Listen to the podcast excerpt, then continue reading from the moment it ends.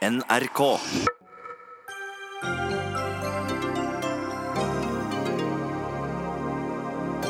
Småpartiene Rødt og MDG får ikke slippe til i spørretimen på Stortinget. Og hvem har bestemt det? Jo, de store partiene. Alle snakker varmt om frivilligheten, men hvor ble det av løftet fra regjeringen om full momskompensasjon? Og hva er egentlig frivillighet på norsk? Er det frivillighet når 87 000 frivillige egentlig er lønnet av staten? En bonde må betale 700 000 kroner fra egen lomme fordi tomta han vil bygge fjøs på er full av kulturminner. Fører ikke det til at bøndene i stedet bare skjuler at de finner en hårnål eller, eller en potte i åkeren?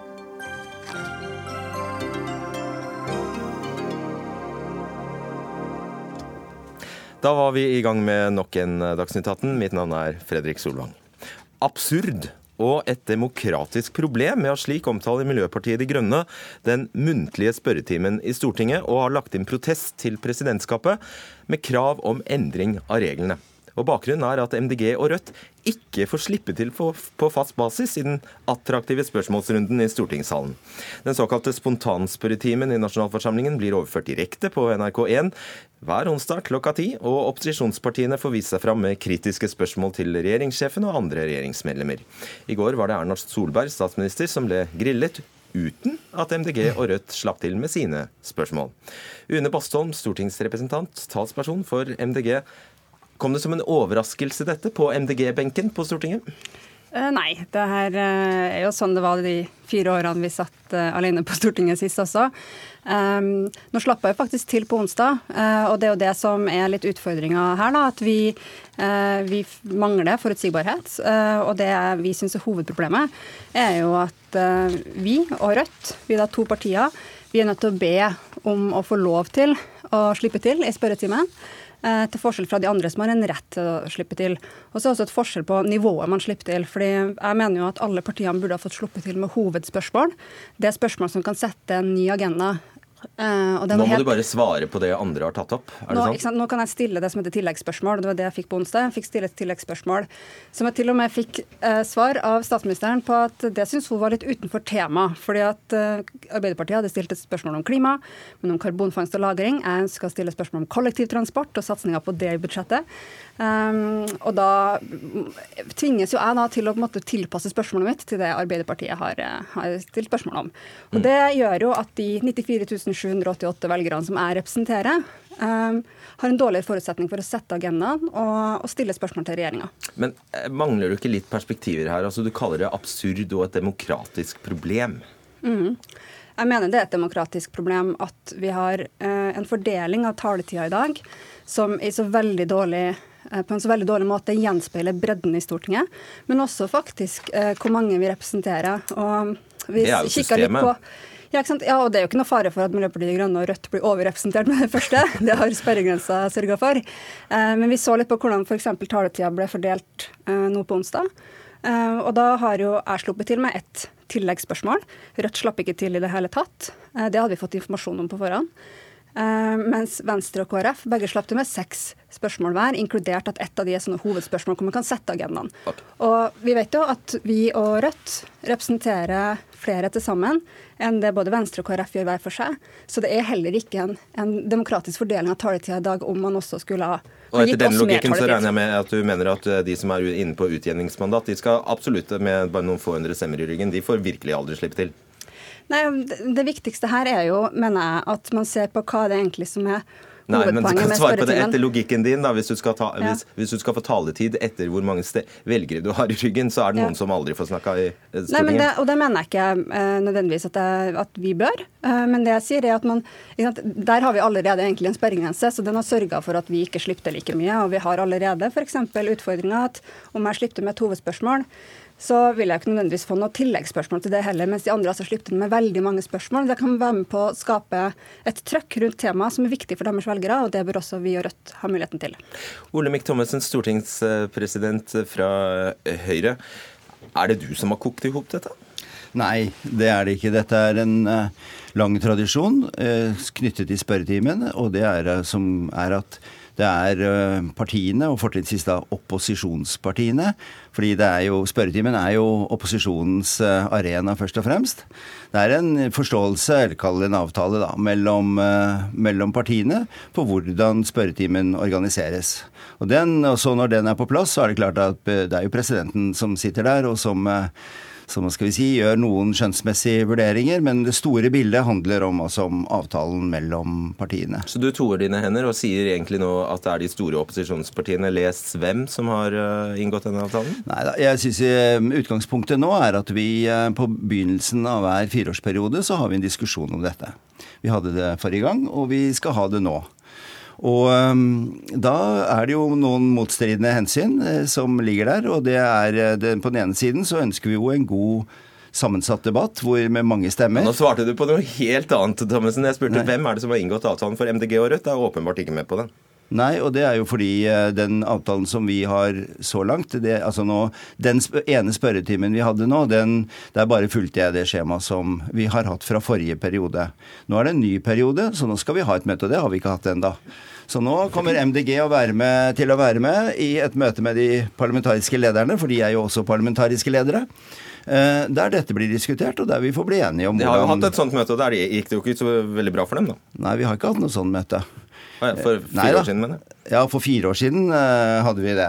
Men uh, vi får da tenke at uh, det er nye kort, så får vi se hva som kommer ut av det. Og jeg tror jo at det vil være lydhørhet for På den ene siden så er man nødt til å bruke matematikken og skal vi si velgernes dom ved valget for å fordele den tiden. På den andre siden så er det også noe med hensyn til debatten og seerne der ute som drar den andre veien. Så det er et balansepunkt. Hvem er det som har gjort opp på kammerset her, Baston?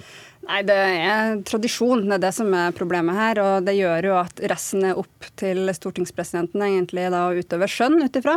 Men jeg tror nok også det stemmer at stortingspresidenten Olemic Thommessen her har jo, han må jo måtte forholde seg litt til at det er en del forventninger i Stortinget, og de forventningene er basert på hvordan det var, har vært før. Ja. Uh, og Før så var det færre partier på Stortinget, og det er det som gjør at det har blitt litt absurd nå, da. Men er det de, la, la, la, la oss andre for, prøve å ja. forstå det. Er det de andre partiene som har rotta seg sammen mot dere og Rødt?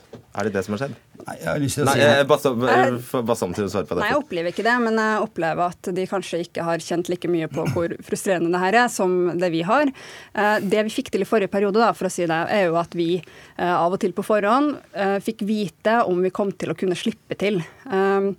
Men det er, mener jeg, et problem i seg sjøl. Altså, Utfordringa er ikke at stortingspresidenten ikke er grei nok. Problemet er at stortingspresidenten må være grei for at alle partiene i Stortinget skal slippe til. Fordi stort, Stortingets spørretime er da, altså, som du innleda med, den viktigste arena for debatt mellom Stortinget og regjeringa. Og vi representerer, altså vi og Rødt representerer andre velgere ja. enn de andre partiene. Ja, Du kan jo løse for, dette nå. For fire år siden så var den viktigste beslutningen at vi utvidet spørretimen fra å være én én time til en og en halv time. Bakgrunnen for det var jo at eh, Venstre og KrF ble opposisjonspartier, sånn at vi fikk flere opposisjonspartier, og det ble litt trangt om saligheta for å få tida til, eh, for å, tida til å strekke til. Og nå er det enda flere partier, eh, og det er, sånn sett så er denne halvannen timen et knapphetsgode, og da vil det bli en, en diskusjon. Så, så har jeg ja, Så nå er det vel logisk da for å utvide enda mer, da? Nei, Det er en grense for hvor lang spørretimen kan være. Det er jo tross alt, eh, iallfall når statsministeren kommer, så møter hun jo alene. Og det er ganske lenge å stå i en og en halv time eh, i en slik spørretime. Um, så, og jeg tror vel også av hensyn til altså, appellen uh, som program da, ut mot uh, velgerne, så, eller publikum, så er det heller ikke sikkert at det er noe lurt å forlenge det. Men det er også et tema som kan tas opp. Jeg tenker at uh, at vi må prøve å finne frem til en, en omforent ordning på dette. og og eh, jeg håper jo at vi skal finne et grep hvor kanskje særlig det med forutsigbarheten blir bedre for eh, de små partiene. Hva er det du kan si deg fornøyd med da, Basson? Eh, jeg er jo fornøyd med at uh, stortingspresidenten har lyst til å se på det her nå. Det, uh, det, gjør jo saken litt enklere at vi er to partier den gangen her som, som er ekstra, kan du si, som liksom ikke helt passer inn i systemet. Som gjør at man, det blir enda mer absurd, da. Det er systemet helt åpenbart her som er nødt til å endre seg bitte litt. Fordi velgerne rett og slett har sendt inn ni partier på Stortinget, og det gjør at vi må fordele den taletida vi har i spørretimen på en annen måte. Men det er flere måter man kan gjøre det på. Man kan utvide eh, hvor lenge spørretimen skal vare. Det står ikke noe sted skrevet Det er for som, slitsomt, sier Thommessen. Ja, det, det, må man jo da vekte opp mot de demokratiske hensynene, eh, som er da at vi representerer velgere som ikke blir representert når vi ikke slipper til. Og jeg mener jo at det som skjedde på onsdag, når jeg, når jeg slapp til, er et veldig godt eksempel på det. For at jeg da hadde ifølge statsministeren egentlig ikke anledning til å stille det spørsmålet som jeg har stilt. Som, er noe av det viktigste, som er noe av det viktigste jeg okay, kan gjøre ja. på vegne av mine velgere. Jeg er ikke det rommet på, på vegne av meg sjøl, jeg er det på vegne av de som Dette har stemt på min politikk. Det er åpenbart ikke særlig demokratisk at de ikke får slippe til en gang, Thommessen? De får jo slippe til en gang iblant. Det gjør de også. Det er jo et spørsmål om hvor mye. Det er ikke sånn at, og det er også sånn at uh, at de partiene også kan få et hovedspørsmål. Men det er klart det blir jo ikke så ofte. Det gjør det ikke. Men det fins jo også andre. Det, vi har en, uh, andre måter å, altså vi har den ordinære spørretimen, og det går an å sende spørsmål. Og vi har mange andre flater som, som bidrar til å gjøre, gjøre liksom det demokratiske eh, arbeidet okay. bra. Ja, man kunne altså sørga for at alle partiene hadde et hovedspørsmål hver, men at det var færre tilleggsspørsmål eh, på hvert av de hovedspørsmålene, som gjorde at alle i hvert fall har vært med å sette den agendaen eh, i, i spørretimen. Ja, det var også et forslag. Jeg for min del lurer på hvor mange som ser og hører på det, den spørretimen. Det, det har blitt veldig vanlig at partiene laget, legger ut klipp for eksempel, fra okay. spørretimen. Så jeg tror den tida hvor vi er nødt til å være så veldig opptatt av om den er for kort eller for lang, egentlig er forbi. Eh, fordi vi får veldig mye annen effekt ut av den, time, den timen, halvannen eller to. Da, Prøv å løse det da, i hvert fall. Det skal vi så absolutt. takk. Eh, Une Basson og Olemic Thommessen, takk skal dere ha. Dagsnytt 18 alle hverdager klokka 18.00 på NRK P2 og NRK2.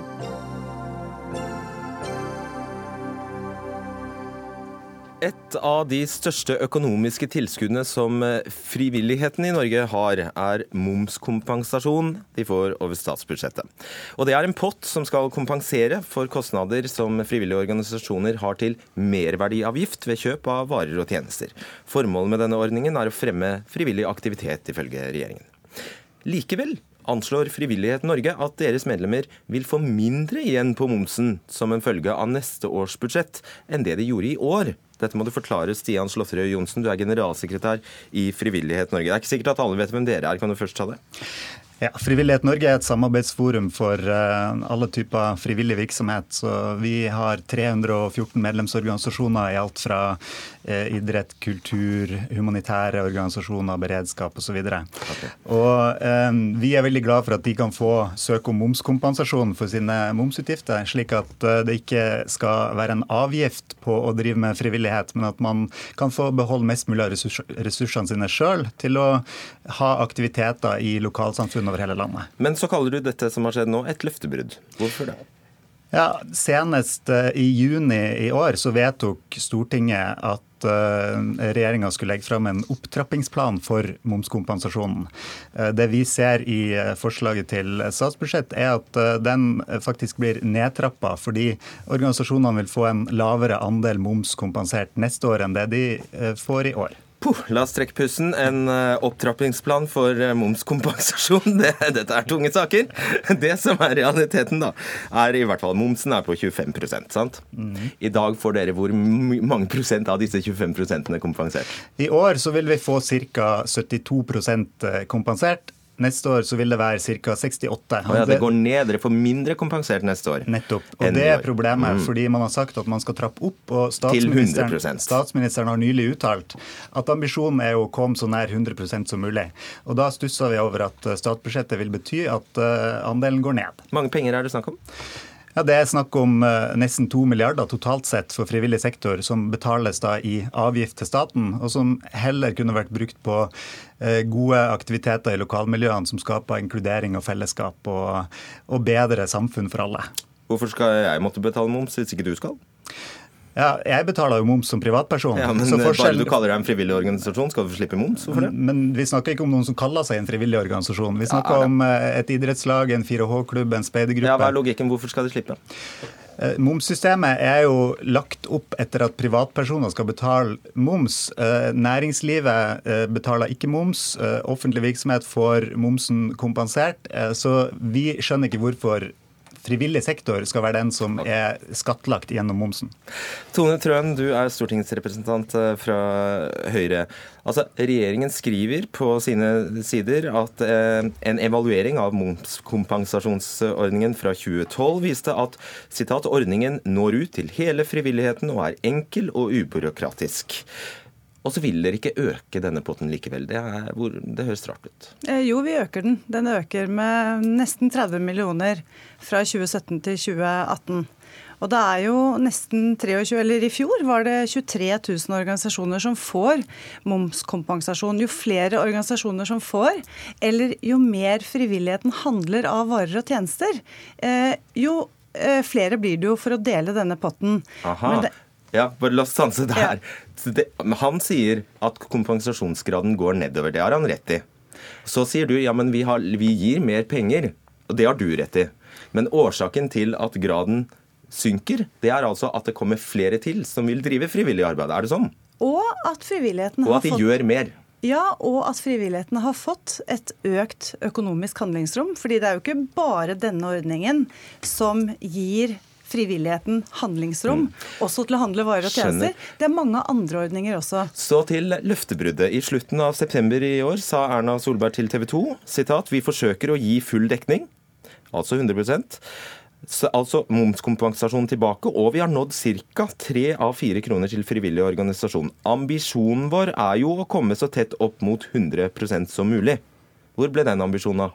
For det første så er jo det budsjettet som er lagt frem for 2018 for ett år. Eh, regjeringens ambisjoner eh, strekker seg over et fireårsløp. Ja, Men den synker jo i stedet for å øke. Ja, Det vet vi jo ikke enda. Eh, fordi det vil vi ikke vite før etter 2018, når de frivillige organisasjonene har fått, har sendt inn sine krav om momsrefusjon. Ok, Stemmer det? Det stemmer at eh, vi vet det først når søknadene har kommet, men vi vet jo at hvert år vi har hatt den ordninga, så har søknadsbeløpet økt. Eh, og det er det vi har tatt. Så det er en beregning du kommer med? Ja, det er, en, det er, et estimat, og det er et eh, konservativt estimat. Da er det jo bare å drive med litt mindre frivillighet? Ja, det, Men det har vi jo ikke oppfatta at regjeringa ønsker. fordi vi har jo hørt stadig at man ønsker mer frivillighet på flere områder innenfor integrering av flyktninger, innenfor uh, velferdstjenestene og uh, generelt for å skape en bedre folkehelse. Så da må man jo ikke da må man jo... Nei, Dette går jo ikke i hop, Trøen. Dere vil ha mer frivillighet? Definitivt. Vi anerkjenner den frivillige innsatsen fullt ut. Uh, og Derfor har jo vi økt denne potten med 400 millioner. Eh, på våre år. Ja, Men det holder ikke fordi det skjer så mye frivillig arbeid? Ja, men det er, det er, veldig bra. Eh, og vi øker år for år. Momskompensasjonen synker i andel? Eh, det kan se ut til at den kan synke ja, litt neste år, men det vet vi ikke. Det er det motsatte av å holde løftet om å uh, trappe opp til 100. Men det, uh, vi, skal, vi, skal, jobbe videre for å, å gjøre frivillig sektor, uh, ruste frivillig sektor, men vi må også se på helheten.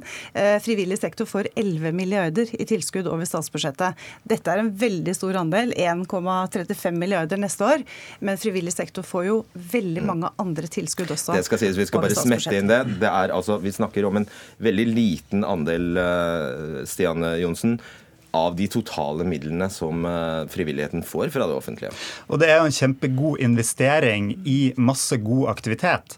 Eh, og Det er derfor det er så uforståelig at ikke man kan eh, fullfinansiere den ordninga her. For det, når søknadene øker, så er det jo fordi også momsinntektene fra aktiviteten øker. Så hva er det da staten vil bruke disse momsmidlene fra frivilligheten på? Andre gode formål, kanskje. Mm. Freddy André Østegård, eh, du er stortingsrepresentant for, eh, fra Sosialistisk Venstreparti. I likhet med Erna Solberg så vil dere i SV trappe opp momskompensasjonen til 100 mm. Hva står det i partiprogrammet om dette her? Nei, Vi har foreslått i eh, vårt eh, alternative statsbudsjett i fjor for eksempel, å øke denne potten med 100 millioner som et første steg i å få 100 momskompensasjon. Og så tror jeg det er viktig å, å ta det litt... Og Hvor mange prosent hadde du havnet på da, hvis du hadde økt med 100 millioner? Nei, Det, det har jeg ikke talt på akkurat her og nå, men uh, vi har Ikke akkurat 100 Nei, ikke enda, men det er en opptrappingsplan som vi har gått inn for, som skal nå 100% Og det som er viktig her, er at det handler om altså 23 000 frivillige organisasjoner som jobber med alt ifra, uh, jobber alt fra kulturtilbud for barn og unge, lokale idrettslag. Uh, og uten det arbeidet her så stanser jo Norge. Og vi vet at, som det ble sagt, at private bedrifter som tjener penger, de får full momskompensasjon. Mens frivillige organisasjoner gjør ikke det. Hva er rettferdigheten i at når et eh, hotell skal sette opp en skiheis på et fjell, da, så skal de få full momskompensasjon for det? Mens når Røde Kors skal kjøpe seg en eh, snøscooter, reise opp og hente noen på det samme fjellet, så får ikke de dekka alt. Hva er rettferdigheten Ja, det er sånn det fungerer. Men jeg skal gi deg et annet eh, eksempel. Hvis Det Norske Travselskap, som er en organisasjon som er medlem av Frivillighet Norge, arrangerer kurs om hvordan man rir på hest i trafikken, er, hvorfor skal de ha momskompensasjon for det? Jeg mener at mange forskjellige frivillige kulturtilbud, alt som eh, gjøres av inkluderingsarbeid. Det er masse viktig arbeid. Også f.eks. Eh, fritidsaktiviteter som hest. Hvorfor skal de ha momskompensasjon? Et annet eksempel. Norsk Kennelklubb. Hvorfor skal de ha momskompensasjon for å arrangere valpeshow den 17.11.? Hvorfor det? Jeg, jeg, mener at frivillig tilbud rundt omkring er viktig. Eh, hvorfor skal de ha momskompensasjon for å arrangere valpeshow? Jeg mener at det er en verdi i det frivillige arbeidet som gjøres, på lik linje som private bedrifter som skal tjene penger for full moms, som skal få full momskompensasjon. Kanskje du kan svare på det spørsmålet? Hvorfor skal de ha momskompensasjon for å arrangere valpeshow? Jeg tror vi må anerkjenne frivillighetens eh, Jo, men vi må anerkjenne frivillighetens posisjon i vårt sivilsamfunn. Det er utrolig viktig at vi skaper arenaer for frivillighet. Det er, eh, det er, viktig for hver enkelt av oss, og så er det viktig for samfunnet totalt sett. Ja, men det, ordningen... det, Nå sier du ting alle er enige om. Ja, og dette er vi jo i veldig, veldig stor grad enige om. Og nettopp derfor så strekker vi oss hvert år for å fylle denne potten og gjøre det Bare ikke neste år, for da synker andelen. Nei, er, potten øker. Eh, ja, potten, potten øker, men andelen synker. Andelen har gått ned hvert år i nei, alle deres blå-blå år. Nei nei nei, nei, nei, det er jo helt feil. Nei, nei, nei, det, nei, det er helt feil. Andelen okay, kompensasjon har gått ned hvert år eh, siden nei, men, deres regjering tok over. Si en ting? Ja, jeg skal være veldig kort. Hvis det var så viktig for SV og den rød-grønne regjeringen, så kunne dere ha fullkompensert med en gang. Ja, vi femdobla ordningen, vi. Dere hadde det største økonomiske handlingsrommet noen regjering noensinne har hatt, og rent flertall. Det er sånn som falt i går, i hvert fall. Kanskje du kan oppklare den eh, lille uenigheten der, Stian eh, eh, Slåtterøy Johnsen? Ja, Det første året som Erna Solberg overtok som statsminister, så økte hun momskompensasjonsordninga. Det er helt riktig. Og da gikk også denne graden som ble kompensert opp. Og så etter det så har den gått ned hvert år. Så Et det er også riktig. Et år opp og ned etter det. Ja. Ok. Du, det som skjer her altså hvis, uh, det, Grunnen til at dere får, får igjen mindre, er jo bl.a. fordi dere blir flere organisasjoner som søker om å få kompensasjon, og at de organisasjonene som benytter seg av ordningen, faktisk blir mer aktive. Da har dette teoretisk ingen ende? Eh, det har jo eh, en ende. Altså, det er klart at eh, aktiviteten i frivillig sektor den, den kan jo ikke fortsette å vokse i all evighet. Nei, men Du skjønner hva jeg mener? Ja, jeg skjønner hva du mener. og Det er jo nettopp det som jeg prøvde å komme fram til i stad. At når aktiviteten øker, så øker jo også de momsinntektene som det genererer. Så hvis man hadde hatt en automatikk som er det som vi mener ville vært det beste og mest forutsigbare, at man vet at man får momsen tilbake, sånn som man gjør i næringslivet, så hadde vi sluppet hele den diskusjonen her. Og da hadde også organisasjonene hatt den forutsigbarheten som skal være grunnlaget for regjeringas frivillighetspolitikk. For nå må jo eh, organisasjonene vente til desember året etter de har hatt utgiften, før de vet hvor mye de får kompensert. Og Det er det skaper stor frustrasjon og gjør det vanskelig å drive langsiktig. Du ser at dette er nesten som å drive med å skyte på et løpende villsvin? Eh, jeg vet ikke om den metaforen eh, traff meg helt, men jeg vet at 70 eh, øre av hver krone får man tilbake i frivilligheten. Og det må vi også glede oss over. Så skal vi strekke oss lenger for å komme opp mot 100 Men, okay, men Hvis du ikke skjønte du den, så kan jeg forklare det. Dess mer hvis de får økt, økte tilskudd, hvis de er flinke og bidrar til økt aktivitet, mer frivillighet, så blir det mer momskompensasjon. Mer momskompensasjon kan igjen føre til økt aktivitet. så har du det gående. På samme måte som jeg innledningsvis sa, at når vi eh, senker, eh, altså øker grensen for arbeidsgiveravgift, når vi gjør andre ordninger for, for, frivilligheten som gjør at deres økonomiske handlingsrom øker, får de også mer mulighet til å kjøpe varer og tjenester. Ikke sant? Sånn at det å gjøre det mulig å øke handlingsrommet for frivillig sektor, gjør jo også at frivillig sektor har mulighet til å kjøpe mer varer og tjenester. Så som du var inne på, å rammefinansiere dette 100% er ganske krevende. Og ganske dyrt, ikke sant? Ganske Det, er, dyrt. det er det som er poenget. Vi må være glad for at vi er kommet veldig langt. Eh, Øvstegård, er det en ny ting det at SV har blitt så glad i eh, frivilligheten?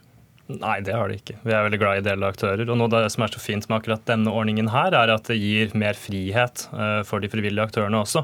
Vi har jo en eh, hel haug med forskjellige støtteordninger som eh, man kan søke seg til på statsbudsjettet.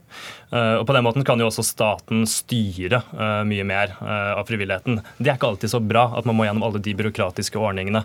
Derfor er momskompensasjon så bra. fordi da kan de frivillige selv finne ut av hva som er behov for i sine lokalsamfunn, og få det dekka. Jeg skulle tro at Høyre var opptatt av den friheten også i frivillig sektor, men det er de tydeligvis ikke når andelen har gått ned hvert eneste år. Eh, bare, eh, jeg sliter litt med å forstå, Sian eh, Johnsen. Altså, hvis du kjøper en, ja, en stiftemaskin eller en kopimaskin, da, så skal du altså ha full kompensasjon, mener du, alle 25% for, for momsen. Hvorfor?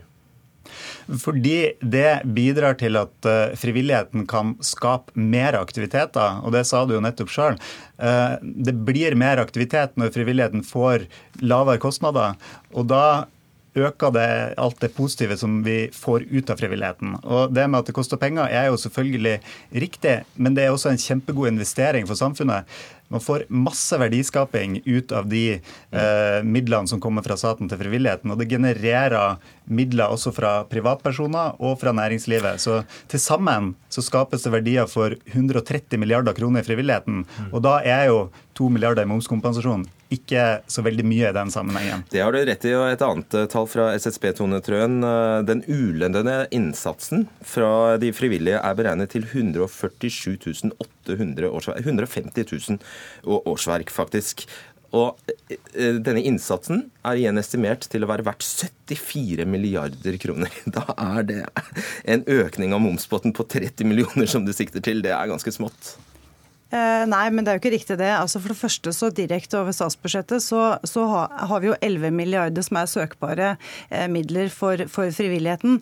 Og hvis man ser på det Ja, som men dette er veldig billig arbeidskraft, det er poenget. Ja, og det er det jo ingen tvil om. Og frivilligheten er helt strålende. Det, det er jo noe av gullet i samfunnet vårt. Og det er jo nettopp derfor vi er så opptatt av å legge til rette for det. Men hvis du ser på sentral, SSBs satellittregnskap, hvis jeg kan ta inn det, så er det faktisk slik at statlig sektor eh, bidrar med betydelig mer også enn 11 milliarder til frivilligheten. Så frivi, men fri, at frivilligheten gjør en enorm innsats, er det Det ingen er det ingen om. som tør å si noe på. Nei, skal det jeg si skulle bare mangle. Øvstegård, eh, hva, eh, hvor mange budsjetter trenger du på å gi dem 100% kompensasjon? I våre opplegg så har vi klart å gjøre det innenfor vår fireårsperiode. Eh, Så det, Fire om ja, så det blir jo vanskeligere, da, fordi det blir, jo blir vanskeligere hvert år som går med denne regjeringen, eh, når vi foreslår våre alternative statsbudsjetter.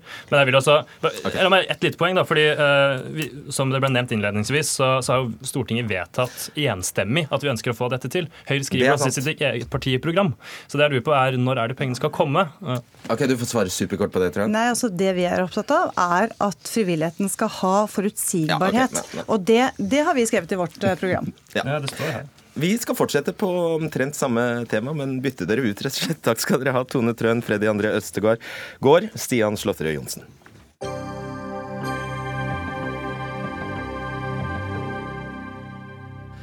For hva er egentlig frivillighet på norsk? Jo, tallene ser slik ut. En firedel av inntektene til frivilligheten kommer fra stat, fylkeskommuner og kommuner. Hvis man, og hvis man regner inn kjøp av tjenester, kommer hele 43,6% av inntektene til frivilligheten fra det offentlige.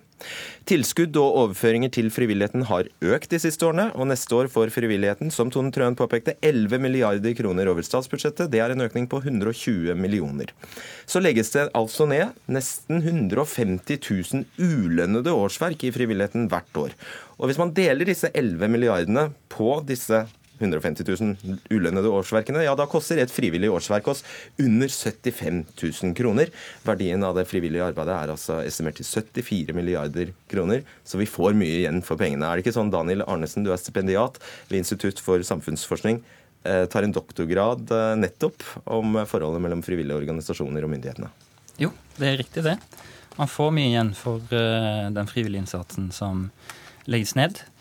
Ehm, og eh, du nevnte jo for så vidt at, at, eh, sant, at det ligger en del statlig støtte til grunn for, eh, for håper jeg det organisasjonene gjør.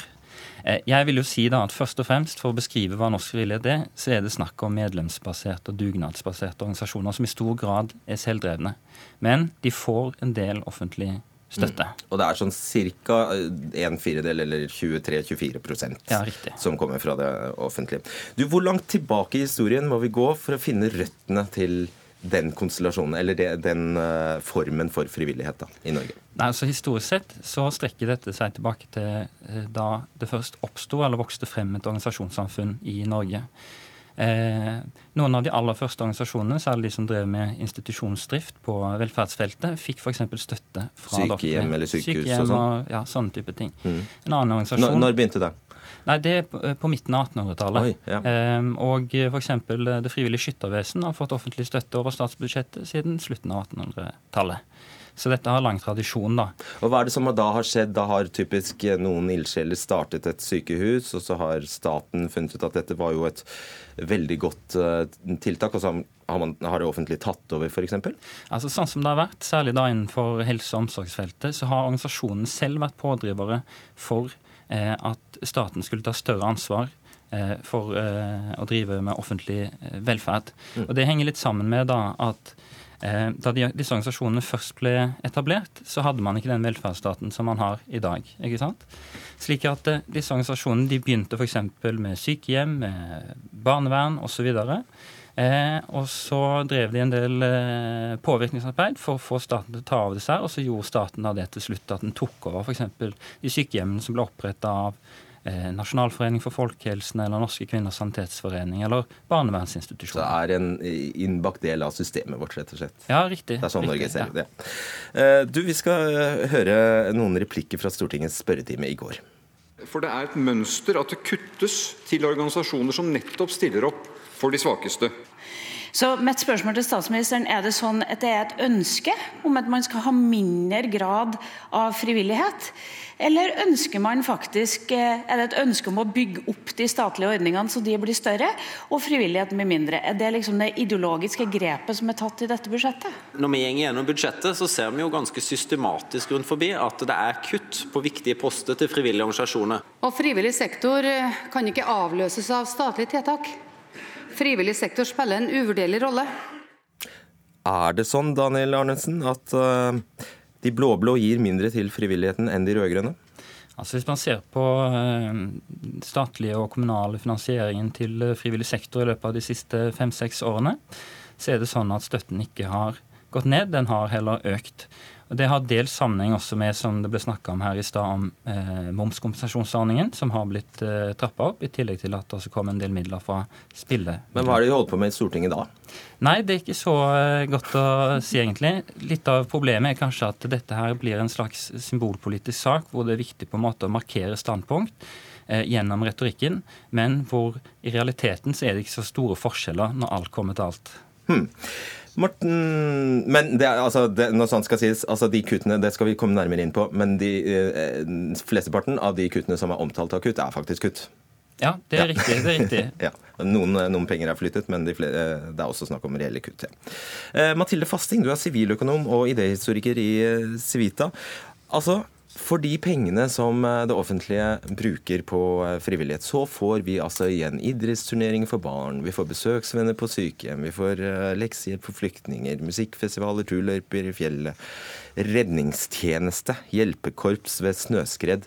Det er vel ingenting av dette du mener er unyttig? Ja, Det er vel akkurat det som er problemet. Alle har noen veldig gode begrunnelser for hvorfor de skal være på statsbudsjettet og få penger. Så Du hørte jo på spørretimen her f.eks. at uh, hvis man sa at man skulle kutte en ordning til en av disse tingene, og jeg kan huske en ordning som Dagsnytt 18 hadde for et par år siden kanskje, dette med den kulturelle spaserstokken. ikke sant? Da blir det tolket som om man er helt mot det tiltaket man skal kutte, bare fordi det ikke har en post på statsbudsjettet. Men sånn kan jo veldig mange argumentere. Det fins nok av gode formål. Så er spørsmålet om man da skal inkludere alt på statsbudsjettet eller ikke. Ja, Men hvem skal da, altså F.eks. det å sette ut redningstjenesten til uh, Redningstjeneste trenger vi.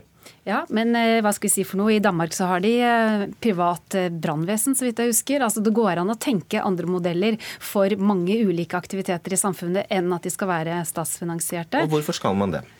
Fordi at, som du var inne på her, stat, samfunn, marked. Det er liksom tre sektorer i, i, i et, en i et samfunn. Og vi har veldig lett for å si at er det noe som skal ordnes opp i, så skal, er det, det er en samfunnsoppgave. Og med det så mener vi det er en stat, statlig oppgave. Det er staten som skal finansiere det når vi sier det på den måten. Men egentlig så er det det tankemønsteret som har satt seg nettopp fordi at det offentlige i Norge er veldig rike. Vi har veldig mye penger. Generelt er jo nordmenn rike også. Dette statsbudsjettet vi snakker om her er på 1300 milliarder. ikke sant? Så bare for å sette det litt i perspektiv, så er det jo veldig mye penger. Og da er det spørsmål om man Eh, også ut fra et eh, perspektiv om ikke bare det du snakker om nå, om tjenester som skal, utsette, som skal privatiseres, men også om makt ikke sant? og om kritikk og om sånne ting som, som noen av disse organisasjonene som f.eks. Mat og Landbruk osv., som også har vært sånne som har klaget på kutt ikke sant, i, i denne mm. runden her. sånn, Og som da egentlig har en demokratisk oppgave i å, i å skulle kritisere kanskje statens bruk av eller landbrukspolitikk f.eks. eller andre ting. da, Men så får de da penger, og så er spørsmålet hvor uavhengig blir man da. Så du har den dimensjonen også. Uh, ja, vi kan jo ta, altså de, det, det er to hovedtyper kritikk. Eller det er to, kritikk av to uh, hva skal man kalle det, kutt innen to hovedsektorer her. altså Det er de 33, organ, 33 heter det i NRK, 33 organisasjonene som uh, fikk kutt på 30 millioner fra Jon Georg Dale. Det er jo da uh, ungdoms- barneorganisasjoner, natur-, miljø- og dyrevernorganisasjoner. Her er det altså snakk om at han vil vri støtten over til å bli prosjektstøtte. Hva er ulempen eventuelt med det? Altså, Problemet med prosjektstøtte er jo at i forhold til da, generell driftsstøtte, som organisasjonene på en måte får fritt å bruke til sitt formål, så innebærer prosjektstøtte ofte at altså det er et støtte til et konkret tiltak eller en konkret aktivitet. Og med det så følger det også gjerne et mer detaljert regelverk for hvordan støtten skal brukes.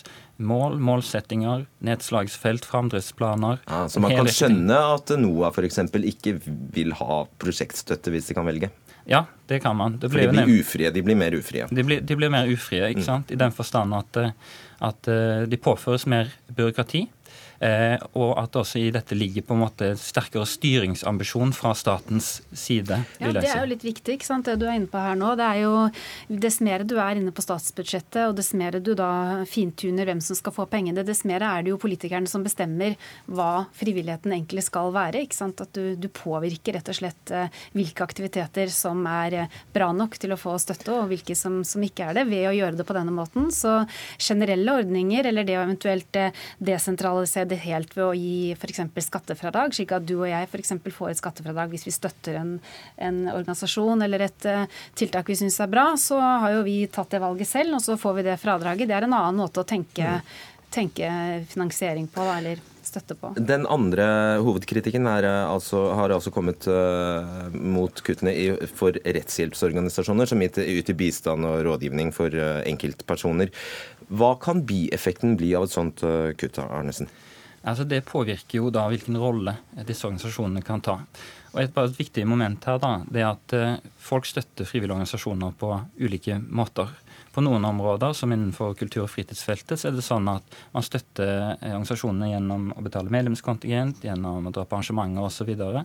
Mens for denne typen organisasjoner, som rettshjelpstiltak, så er det ikke mulighet til å generere den typen inntekter. Man er, fordi man ikke kan det er vanskelig å stille seg opp på gata og, ja, be, og be, om en slant til uh, Jussbuss. Ja, så man er mer avhengig av offentlig støtte. Så den offentlige støtten den garanterer på en måte for en sånn kritisk rolle som disse organisasjonene kan ha.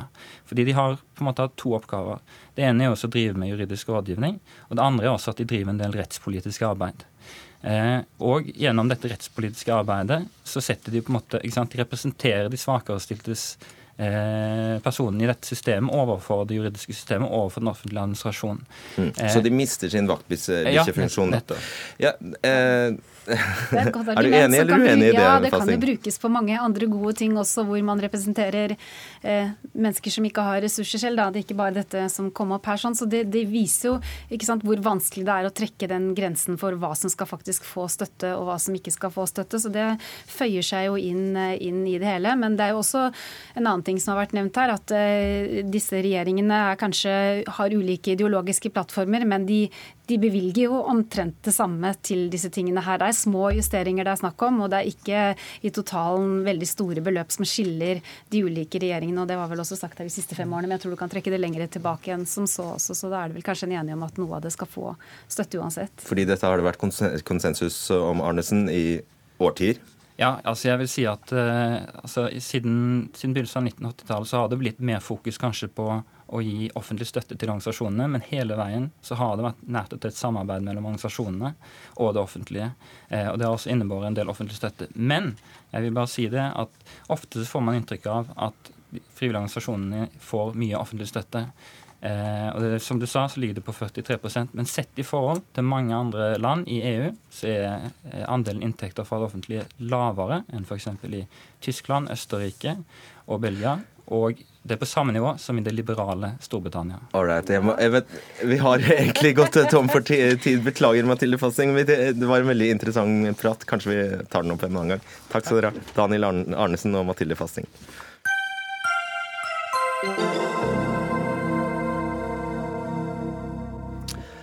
Trossamfunn som bryter barns fundamentale rettigheter, bør fratas offentlig tilskudd.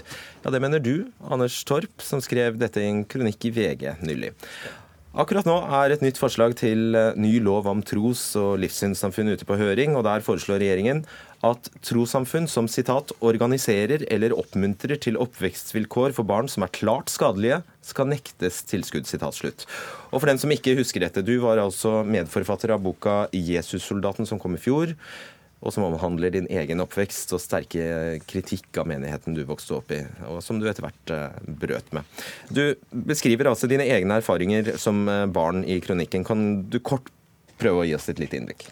Ja, jeg gir et lite innblikk i kronikken om hvordan mitt virkelighetsbilde var som barn, som fireåring. Eh, hvordan jeg er på en demonstrasjon mot partnerskapsloven i 1992. Jeg ser en person i folkemengden som jeg ikke er sikker på er en demon eller ikke. Og i ettertid, eh, for noen år siden, da så jeg en video av denne demonstrasjonen igjen, og klarer å se da at det er jo samme person. Eh, men eh, som virkelighetsbilde til et barn, når du er på en demonstrasjon, det er vanlige mennesker rundt deg, og du lurer på om det er en demon eller ikke, og eh, som da Gud skal vise at du skal kaste ut. Da. Og videre, når jeg var fire år, prøvde å grave et hull til helvete, for da hadde jeg hørt om noen kinesiske gruvearbeidere som hadde gravd så langt ned, og jeg ville høre disse skrikene fra helvete. Så det var absolutt veldig virkelig for meg med denne åndelige verdensbildet. da. Ehm, det var jo med på å ta fra meg veldig mye av oppveksten min. Ehm, jeg eh, fikk min første bestevenn da jeg var 19 eh, år. Ehm, jeg var et sosialt utskudd. Uh, levde i utenforskap. Uh, veldig mye som jeg ikke unner noen andre barn. og Derfor er det veldig viktig for meg at det blir tatt tak i denne debatten, og at barn blir sikra mye bedre oppvekstvilkår enn høring, dette høringsforslaget til, trossam, til trossamfunnsloven gjør i dag. Da. Og Er det det som er ditt uh, anliggende, at loven eller lovteksten slik den er foreslått, ikke er tilstrekkelig? Det mener jeg absolutt. På hvilken måte da? Man sier at man skal frata støtte til trossamfunn som har skadelige forhold for barn. Men man sier ingenting om alle de barna som lever i trossamfunn som ikke mottar noe offentlig støtte fra staten. Som eh, Gi et eksempel på det. Eh, Joas vitner, f.eks. Jeg mener klart at de bryter både privatliv, tankefrihet, religionsfrihet og samvittighetsfrihet. Eh, vi kan jo kanskje gå inn på det etterpå, eller så kan jeg utdype det akkurat nå. Du kan for så vidt gjøre det først som sist, før, rett etter at jeg har opplyst om at vi selvfølgelig har spurt Jehovas vitner om å være med delta i dag, men det ønsker de altså ikke. Det samme har vi for så vidt gjort med Kulturdepartementet. De ønsker heller ikke. Nå kan du forklare. Ja, I Jehovas vitner så praktiserer de angiveri. Eh, andre medlemmer skal angi medlemmer som synder til ledelsen. Det det er jo klart brudd på privatlivet, mener jeg. Eh, videre så blir barn fra de er åtte år introdusert for Harmageddon-boka til Joas vitner. Der de lærer det at om du dør uten å være et Joas vitne eller å være døpt, så øker sannsynligheten for at du ender i evig død. Og at du ikke kommer til familien eh, med resten av familien til himmelen.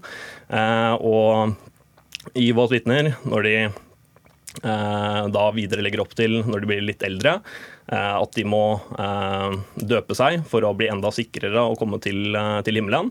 Eh, og de har alternativet til slutt da. Vil jeg ende som en evig død, eller vil jeg bli med mamma og pappa til himmelen, så er det jo soleklart at de velger å la seg bli døpt.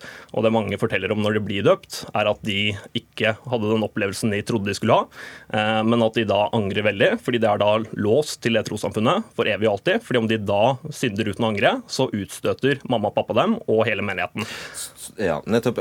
Så du mener at denne loven den vil ikke, den vil ikke forhindre noe av det du beskrev nå? Allerede så har man jo privatliv, tankefrihet, religionsfrihet og samvittighetsfrihet, som jeg mener helt klart Jovas vitner bryter med disse punktene. Men allikevel, siden 2007 så har Jovas vitner mottatt 113 millioner fra det offentlige av våre skattepenger. Så vi er faktisk med på å bidra til å eh, sørge for at disse rettighetsbruddene skjer. Så skal man gi penger, da burde man i hvert fall ha et innsyn. Og det er åpenbart at de ikke har hatt- et innsyn som har vært tilstrekkelig med Jehovas vitner, fordi de har jo holdt på med det her i så mange år uten konsekvens. Ervin Kohn, du er leder i Det mosaiske trossamfunn. Når du hører eh, denne beskrivelsen fra, fra eh, Anders Torp, er du enig i at det høres ut som å ødelegge barn? Nå har jeg veldig empati med Anders eh, oppveksthistorie, uten at det, behøver å være et tema her i dag. Eh, Det Anders sa sist, eh, han sier at Jehovas vitner får støtte av våre skattepenger. Det er helt feil. De får støtte av sine egne skattepenger. Så det er deres skattepenger som de får tilbake i støtte. Så det er en viktig distinksjon. Hvordan forklar det? Ja, fordi altså, de, altså Støtte til trossamfunnene er ikke milde gaver fra staten, det er tilbakebetaling av kirkeskatten. Den gangen man gikk bort fra en egen kirkeskatt til å ta det en, som en del av det totale skatteproveny, så øh, er det altså i realiteten det samme. Man støtter Den norske kirke, og så skal man støtte alle andre trossamfunn på lik linje. Det, altså, det er offentlige penger, Kohn? Ja, men de offentlige pengene kommer jo da fra skattebetalerne. Ja, okay. men det er egentlig et sittbord, Så ja. det er tilbakebetaling av, eh, av eh, skatt Ja, som man okay. har betalt inn. La det fare. Men er du enig eh, hva, hva sier du til at uh, de- den beskrivelsen som uh, Torp kommer av behandlingen av barn? Altså Skadelige oppvekstvilkår er vi imot alle og enhver. Vi er altså en, ikke bare et liberalt demokrati, vi er en rettsstat. Og vi har rettsregler, vi har straffeloven, vi har forbud mot å slå barn. Og det er helt åpenbart at skadelige oppvekstvilkår er noe vi ikke kan tolerere i vårt samfunn. Ikke sant? Vi har barnevern. Så er, vi, vi har altså et virkemiddelapparat som er ganske stort, som vi kan benytte for å sikre barns oppvekstvilkår. La oss bare forsøke å uh, sortere. Du er altså imot altså Du mener denne nye, dette nye lovforslaget er overflødig?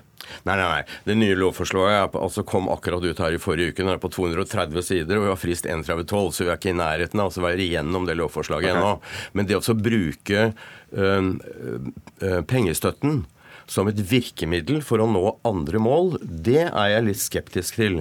Og det som er viktig, det er at øh, vi øh, etablerer prinsippet om likebehandling, som Grunnloven gjør i paragraf 16. Det vil si alle andre trossamfunn utenfor Den norske kirke skal likebehandles med Den norske kirke. Både økonomisk og på annen måte. Så skal vi bruke Uansett hva de holder på med? Nei, ja, så skal vi bruke et sanksjonsmiddel overfor ulike trossamfunn, ja, så må vi også kunne bruke det overfor Den norske kirke. Ja, men Det er jo tanken din ja, Unnskyld at jeg Og det kan vi ikke gjøre. Fordi at ikke sant, altså, Se for deg at øh, det er praksiser noen ikke liker. F.eks. at du har en eller annen øh, menighet som er en del av Den norske kirke, hvor Mm. det er en prest som ikke vil vie homofile.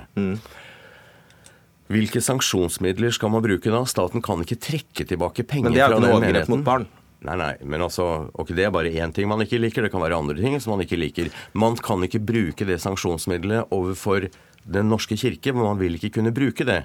Derfor kan man heller ikke bruke det som et sanksjonsmiddel overfor noen andre. Ok, Følger du han, Torp?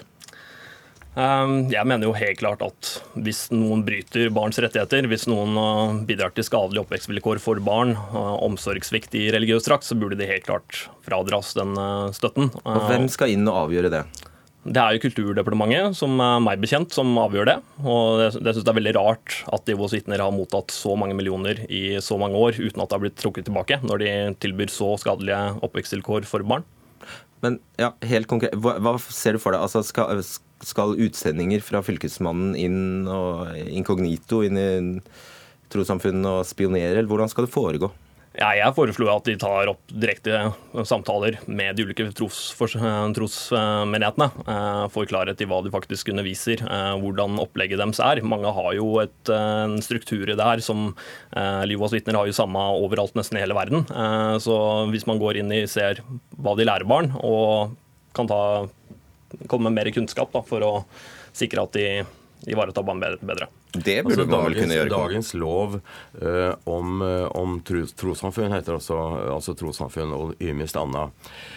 Den sier noe om kravene for å bli anerkjent som et trossamfunn, som er altså berettiget til økonomisk støtte. Og der er altså det å holde seg til ikke bare norske lover, men også å være moralske, uh, en del av loven.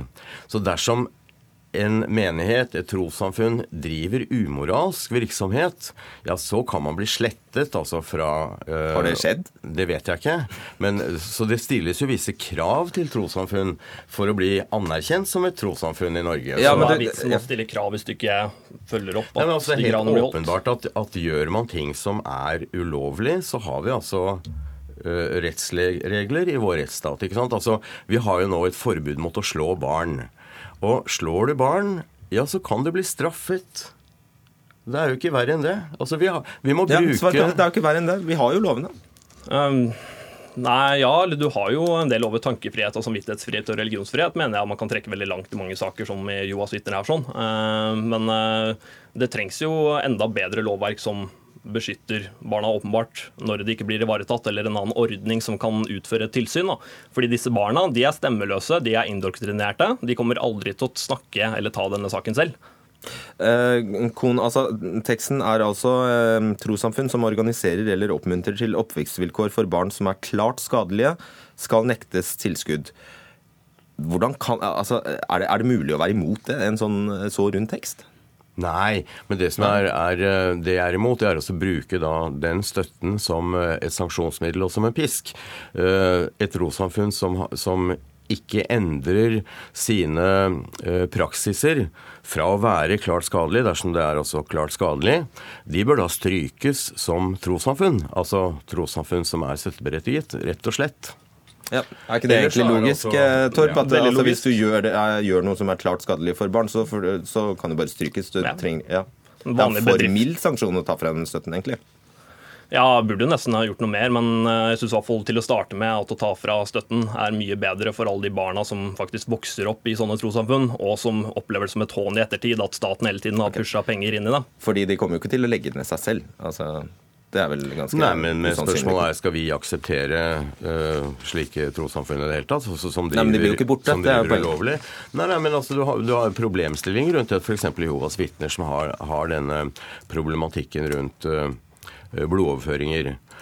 Og da har vi jo stadfestet i, eh, i vår rettsstat hvordan vi håndterer det når det gjelder barn. Så da tar sykehuset ansvar. Takk for at du tok debatten her, Anders Torp og Ervin Kohn. Hør Dagsnytt 18 når du vil. Radio NRK Radio.nrk.no.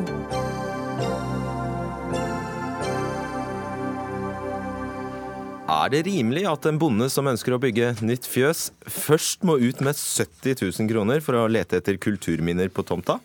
Og så, hvis han finner kulturminner som ildsteder, kokegroper, keramikk eller stolpehull, ja, så må bonden selv betale for en arkeologisk utgraving til rundt 700 000 kroner før de kan bygge nytt fjøs. I en rekke saker den siste tiden har Nasjonen sett på utfordringene for bønder som finner kulturminner på tomta si. Og eksempelet over er tilfelle for et ungt bondepar på, i, i Rogaland. Likevel, i dagens avis kan vi lese at klima- og miljøminister Vidar Helgesen ikke har noen planer om å betale for kostnadene bønder har for arkeologiske utgravninger. Per Skorge, generalsekretær i Norges Bondelag. Hvordan reagerer du på det at det ikke finnes noen plan om å endre dette her? Jeg syns det er svært eh, skuffende. Eh, jeg syns det vitner om et manglende helhetssyn. Eh, her handler det både om å legge til rette for å ta vare på historiske fornminner, og å legge til rette for utvikling av næringslivet her, et nytt fjøs. Men syns du skal ta regningen? Jeg syns at eh, sånn som eh, flere har anbefalt, utenfor vår næring, eh, Fortidsminneforeningen kan jeg nevne, vi kan også nevne et faglig sammensatt utvalg, ekspertutvalg kan man godt kalle det, som kom til samme konklusjon som ikke har, er koblet mot næringen. Som ikke er fullt så inhabil som deg sier? Ja. Nei, vi har våre interesser. Det, sånn er det. Selvfølgelig har skal det være. Ja, sånn skal det være. Lars Andreas Lunde, Lunde, statssekretær i Klima- og miljødepartementet fra Høyre. Det er dere som har ansvaret for håndtering av kultur kulturminner. Eh, kan du forklare på hvilken måte og hvordan er det rimelig at en eh, bonde som trenger å bygge nytt fjøs, skal ut med 700 000 kroner? Ja, når det gjelder den konkrete saken, så er det etter hvert, som jeg forstår, er den klaget inn til, eller er en klagebehandling i Riksantikvaren. Og dersom Riksantikvaren ikke velger å ta denne klagen til følge, så kommer den til endelig sluttbehandling til oss i Klima- og miljødepartementet. Derfor kan jeg ikke uttale om den konkrete saken. Men rent generelt kan jeg si at dette er jo en utbygging som vil berøre et såkalt automatisk fredet kulturminne. Dvs. Si et kulturminne fra før 1537. Og det ligger jo i navnet at det er et fredet kulturminne kulturminne. Det betyr at i utgangspunktet så er det forbudt å skade eller ødelegge det. Men så er det jo slik at Riksantikvaren da kan gi dispensasjon til at man likevel skal da få skade eller ødelegge dette kulturminnet. Men når da Riksantikvaren gir dispensasjon, så kan Riksantikvaren også da pålegge uh, utbyggeren å sikre det vitenskapelige kildematerialet i dette kulturminnet for ettertiden, slik at fremtidige generasjoner også skal få dette viktige fellesgodet. Men det er morsomt at du nevner Riksantikvaren for en arbeidsgruppe i 2013 der også Riksantikvaren eh, var med, tok til orde for at staten må betale for arkeologikostnadene for bønder.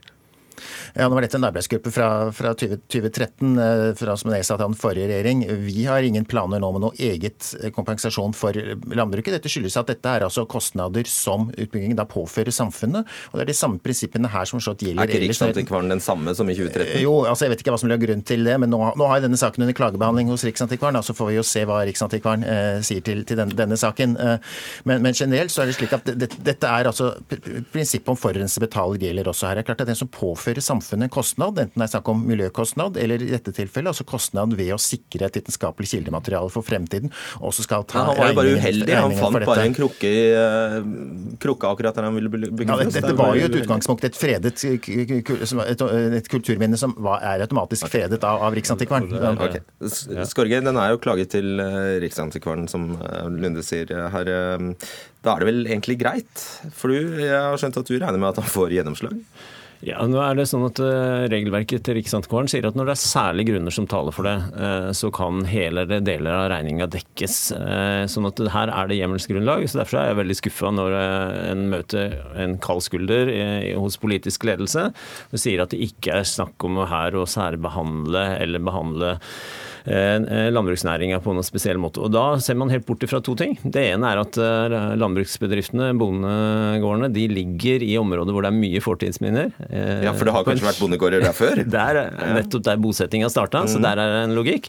Og så er det jo litt forskjell da på en bondegård og et kjøpesenter. 700 000 for et kjøpesenter er lite, men 700 000 for en bondegård det kan faktisk velte hele prosjektet.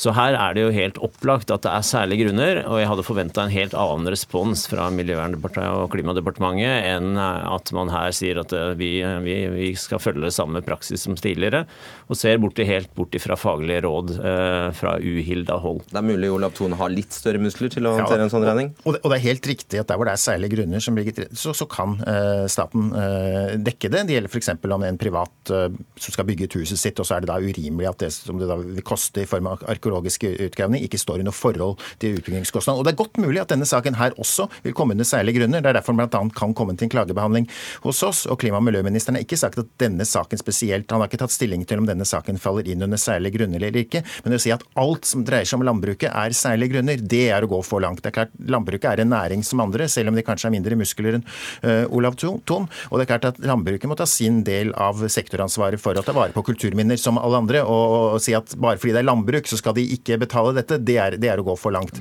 Men de, ja. Ja, Skorge, resultatet, hva kan resultatet bli? Nei, altså Det er jo det eh, Klima- og miljødepartementet her overser glatt. Og, er, og, hvorfor vil de faglige instansene her anbefale at eh, regninga dekkes i langt større grad av fellesskapet? Jo, fordi at eh, vi ønsker at fortidsminnene skal oppdages, de skal undersøkes. Mm. Og hva skjer hvis en får en enorm regning? Da slutter man å være så nysgjerrig og leite nei, det er ulovlig. Men man slutter å leite like, like aktivt, og det er ingen tjent med. Man blir ikke satt i fengsel for det? Eh, det er jo ulovlig å ikke melde fra. Ja, man har en plikt til å melde fra. Ja, det har man, men, men, man leiter altså mindre aktivt, og, og, det ville være veldig synd. Ikke sant, eh, Lunde. Altså, det, det, er jo helt naturlig at hvis man risikerer en regning på 700 000, så kanskje man bare ikke sier fra. Ja, det, det kan virke urimelig, og vi ser grunn til å se på dette. Det er godt mulig at vi bør utvide den tilskuddsordningen, at flere bør få tilskudd uh, enn i dag. Og det er også til og med Høyre programfestet i vårt program, at det skal vi se på. Men bare fordi det er landbruk, at det skal utelukkes. Det, altså, vi vil ikke skille ut landbruket spesielt for andre ting, men en generell utvidelse at flere, øh, flere vil få tilskudd, det, det, er vi åpne for å vurdere. Da har du en jobb å gjøre i forhold til statsbudsjettet også, for der er det også foreslått et kutt akkurat på denne posten på 400 000 kroner. Aha. Mens det i fjor ble brukt ca. 6, så foreslår 6 millioner, så foreslår man nå kutt. Det var det vi Kutt der og kutt hele tiden. Det var det vi rakk. Lars Andreas Lunde og Per Skorge. Dere fikk avslutte Dagsnytt 18 i dag denne torsdagen. Dag Dørum, Frode Thorshaug og Fredrik Solvang sier god kveld.